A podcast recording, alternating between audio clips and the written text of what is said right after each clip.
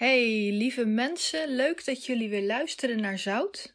Nou, inmiddels zit ik al aan behoorlijk wat podcasts, maar ik moet zeggen dat ik er altijd heel erg blij van word om er eentje te maken. Niet omdat ik het zo belangrijk vind dat jullie mijn stem horen of dat jullie naar mijn verhaal luisteren, maar eigenlijk is het meer om het koninkrijk van God op aarde groot te maken. Dus ik wil je ook bedanken dat je luistert, dat je ook meebouwt hieraan. En als je deze dingen interessant vindt, ik zou zeggen, leer ze verder aan anderen. Goed, vandaag gaat de podcast over Gods creaties versus menselijke prestaties. Nou, sinds corona heb ik de indruk dat er de laatste twee jaar geen Apple-voorstellingen meer zijn geweest. Mijn man die keek vroeger heel graag naar uh, nieuwe producten van Apple. Hij is uh, toch wel een redelijke Apple-fan. Maar de beelden die me eigenlijk zijn bijgebleven is niet zozeer Steve Jobs, die helaas overleden is met zijn kooltrui aan en zijn spijkerbroek. Maar vooral eigenlijk het publiek, die audience, die altijd een staande ovatie gaf voor een nieuw aangeprezen iPhone bijvoorbeeld. Wanneer Steve Jobs vertelde dat er nieuwe functies op een bepaalde iPhone waren, wanneer de vernieuwing was van het toestel, dat het de mens eigenlijk nog gemakkelijker gemaakt werd, dan was het publiek lyrisch. Mensen stonden te juichen alsof ze een medicijn tegen kanker hadden uitgevonden. Ja, persoonlijk moest ik hier altijd wel een beetje om lachen, want men gaat zo uit zijn dak voor iets materieels eigenlijk. Maar ergens zie ik daar ook weer typisch de mens in. Want namelijk enige tijd geleden zei Elon Musk dat het wel degelijk mogelijk is om te koloniseren op Mars. Hij zal het binnen een paar jaar met een grote smak geld wel even op poten gaan zetten allemaal. En mensen gillen en schreeuwen van blijdschap. Maar ook bij NASA, als ze een of andere ruimtesonde ergens op een planeet hebben doen landen met een hoop succes. Houston doesn't have any problems anymore, lijkt het. Want in Houston gillen ze het immers uit van geluk. Elektrische auto's, nog sneller internet, smart apps, smart camera's, smart lights, allerlei digitale snufjes die voor jou het huishouden makkelijker maken, drones. Ja, en ik kan zo nog wel even doorgaan. En ja, we zijn zo onder de indruk van al deze nieuwe technologie. Even videochatten met je nichtje in Australië was vroeger onmogelijk. En het idee dat er ooit mensen naar Mars zullen vertrekken, die gedachte alleen is toch al onbetaalbaar? Ja, ergens mogen we best wel dankbaar zijn dat we in een wereld leven waarin zoveel mogelijk is. Computerprogramma's en software draaien werkelijk overuren om ons het naar de zin te maken. Alles moet convenient, oftewel gemakkelijk zijn maar we betalen er wel het liefst zo min mogelijk voor. Ja, want waar vroeger de enige link met China een afhaalmaaltijd voor twee was, halen we nu van allerlei pakketjes binnen. Van lekkere goedkope Chinese makelij. En door al die goedkope rommel in winkels worden de mensen zuiniger en zuiniger, lijkt het wel. Ik ben bijvoorbeeld een creatieve geest en ik maakte vroeger veel schilderijen. Echter had ik wel een beetje te veel van mijn eigen kunstwerken in huis en besloot ik een keer op een rommelmarkt te gaan staan en mijn schilderijen proberen te verkopen. Ik besloot mijn handgeschilderde werken voor 25 euro per stuk aan te bieden. Grote doeken van canvas waar veel werkuren in zat. Het viel me op, en dat is niet om een pluim te krijgen, maar het viel me op dat er veel mensen interesse toonden, totdat ze eigenlijk zagen hoeveel ik ervoor vroeg. 25 euro, nou dat vind ik wel een beetje veel geld voor een zelfgemaakt schilderijtje hoor. Moest het nu 5 euro zijn, dan zou ik het misschien wel meenemen. Ja, 5 euro. Kun je je ooit bedenken dat ik vroeger wel eens door mensen benaderd werd als ze mij zagen tekenen of schilderen? Dat dit soort mensen dan zeiden: Wauw, jij kan echt mooi tekenen en schilderen. Je zou er eigenlijk iets mee moeten doen. Je zou makkelijk een artiest kunnen worden en je geld hiermee verdienen. Ja, hilarisch, want dit soort mensen liepen dus ook voorbij op de rommelmarkt en ze willen er nog geen 25 piek aan geven. Maar ja, dat komt een beetje door de El Chipo-cultuur, vrees ik. Doordat alles zo betaalbaar is, wisselen mensen gewoon graag snel af. Kunst aan de muur hoeft geen echte kunst meer te zijn, maar dat kan best een replica van bijvoorbeeld 5 euro zijn. Want ja, je gaat immers toch geen meesterwerk aan de muur hangen als je dat binnen een paar dagen alweer zat bent. De bloeitijd van heel veel trends en producten op de markt is heel kort tegenwoordig. Dit geldt echter niet alleen voor materiële kunst en spullen, maar ook voor artistieke talenten zoals theater en zang. Want tegenwoordig kan iedereen een performance neerzetten. Je hebt namelijk de zogenaamde talentenjachtshows op televisie, TikTok en andere social media waar je je kunstje op kunt vertonen. Vele circussen draaien vandaag de dag failliet omdat tegenwoordig alles op televisie te zien is. Om acrobaten te zien hoef je niet meer naar een betalend optreden te gaan, maar zet je gewoon je televisie aan. Dat kunstje namelijk met die bal en die trapeze, dat doen ze stukken beter op tv. Ja, men is zo onder de indruk van wat mensen kunnen. Wat ze verkopen, maken en neerzetten. We zijn zo overdonderd in iedereen zijn skills en zijn talenten. Onze ogen lijken zo groot te worden wanneer we iemand op televisie of de radio horen zeggen wat we moeten doen, zogenaamde experts. Echt jammer, want we staan niet meer stil bij wat er om ons heen gebeurt, namelijk Gods creatie.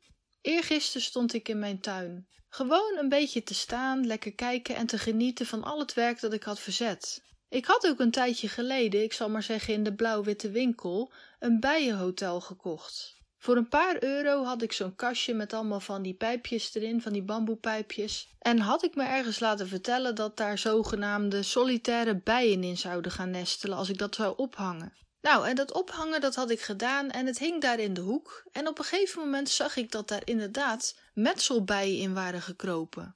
Sommige pijpjes waren zelfs al helemaal dichtgemetseld.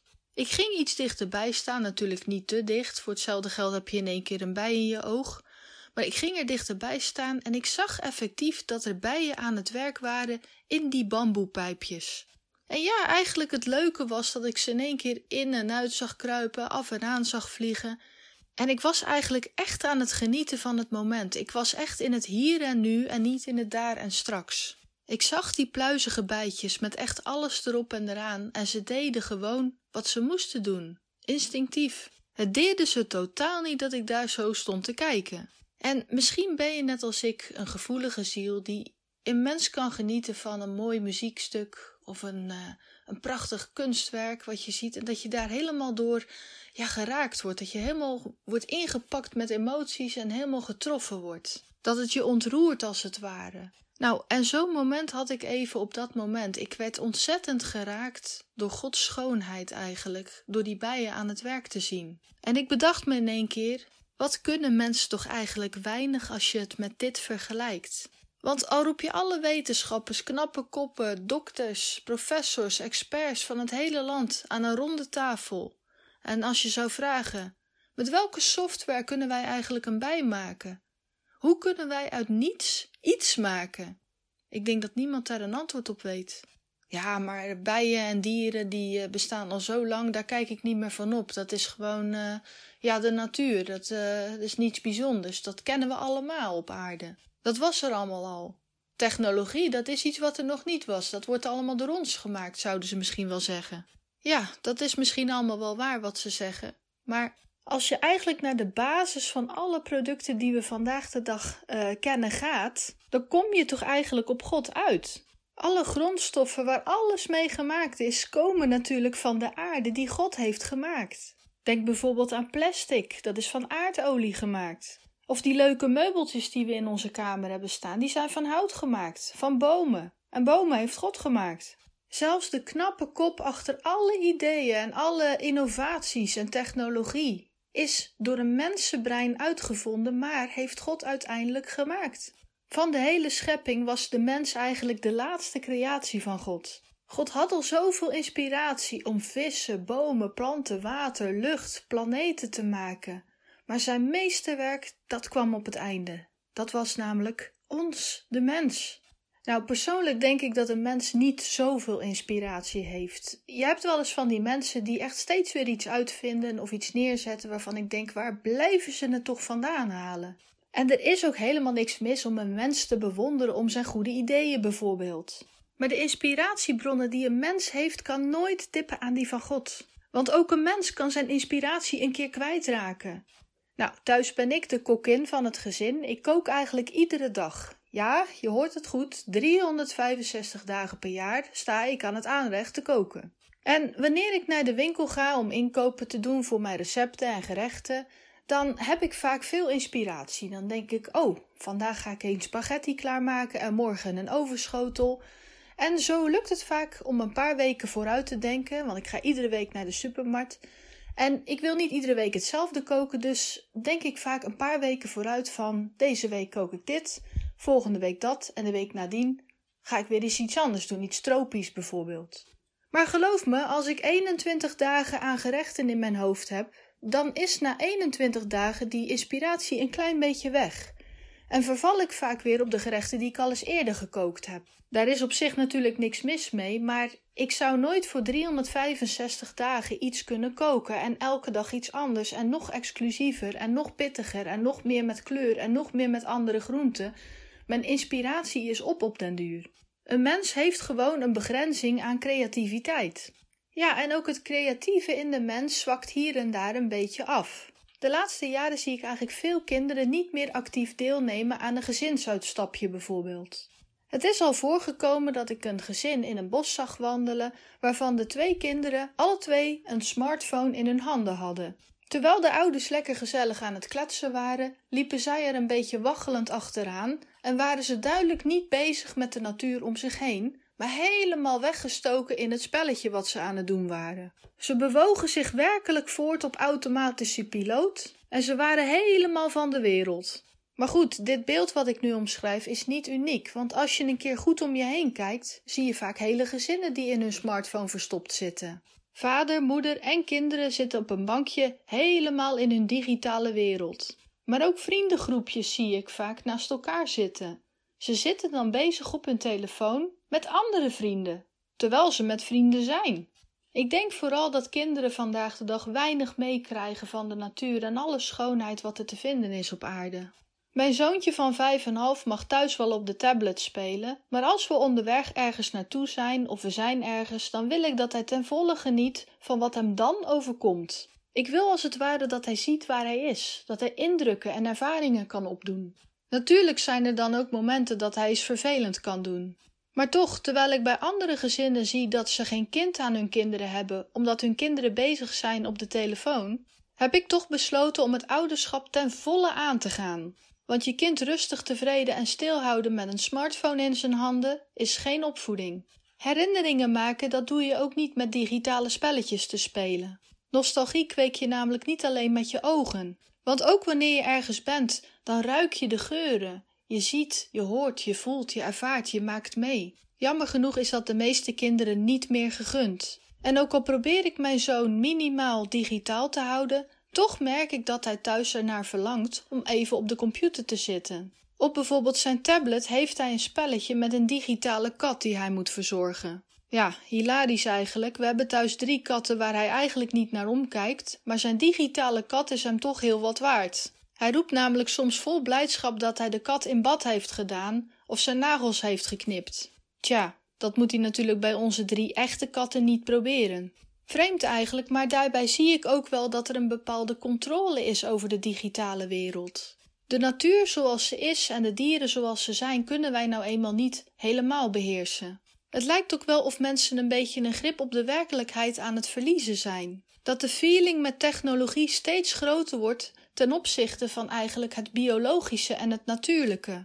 Niet te verwarren natuurlijk met de klimaatbeheersing waar heel veel mensen zich mee bezighouden, want ook dat is bijna een religie op zichzelf geworden. Ecologisch, biologisch en groen willen leven is één grote manipulatieclaim die veel mensen op anderen willen leggen. Ik ben absoluut voor minder afval en minder houtkap. En ja, ik sta absoluut open voor een beter milieu.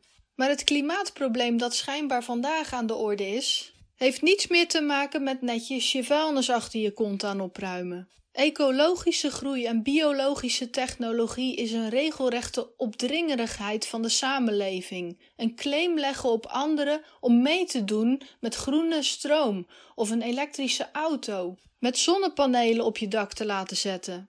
Maar wie eigenlijk heel goed zijn huiswerk heeft gedaan en goed heeft opgelet, is dit enkel weggelegd voor mensen met geld. Ik woon namelijk in een huurhuis en ik mag van mijn huisbaas geen dakpanelen laten plaatsen. En ook heb ik niet genoeg geld voor een elektrische wagen. Omdat ik, zoals ik zei, in een huurhuis woon, heb ik ook geen elektriciteitsvoorziening om mijn wagen op te laden. Dus ik rij ook vandaag de dag nog gewoon met mijn 16 jaar oude stationcar rond, die binnenkort niet meer in bepaalde gemeenten binnen mag. In bepaalde steden hebben ze namelijk een zogenaamde lage emissiezone. En de strijdkreet geldt: de vervuiler betaalt. In de Bijbel is er eigenlijk niet echt iets te vinden over aardvervuiling. Maar een mooi stukje dat ik wel heb weten te vinden is eigenlijk het stukje waar Jezus over de vogels en de bloemen spreekt. Dit staat namelijk in Matthäus 6, vers 24. God zegt eigenlijk tegen ons dat we ons geen zorgen moeten maken. Hij zorgt voor ons, hij zorgt voor de wereld. En wanneer we een beetje ons best doen en God de rest laten doen, dan komt het wel goed met deze aarde. Oké, het was een iets kortere podcast dan normaal en het onderwerp was ook misschien iets minder beladen. Maar ik denk dat het vooral goed is om er eens bij stil te staan dat we eens kijken naar wat God allemaal voor ons heeft neergezet in deze wereld. En ik heb het niet zozeer over de mensen die allerlei uitvindingen en fantastische prestaties neerzetten, maar vooral even terug naar de basis gaan, back to basic.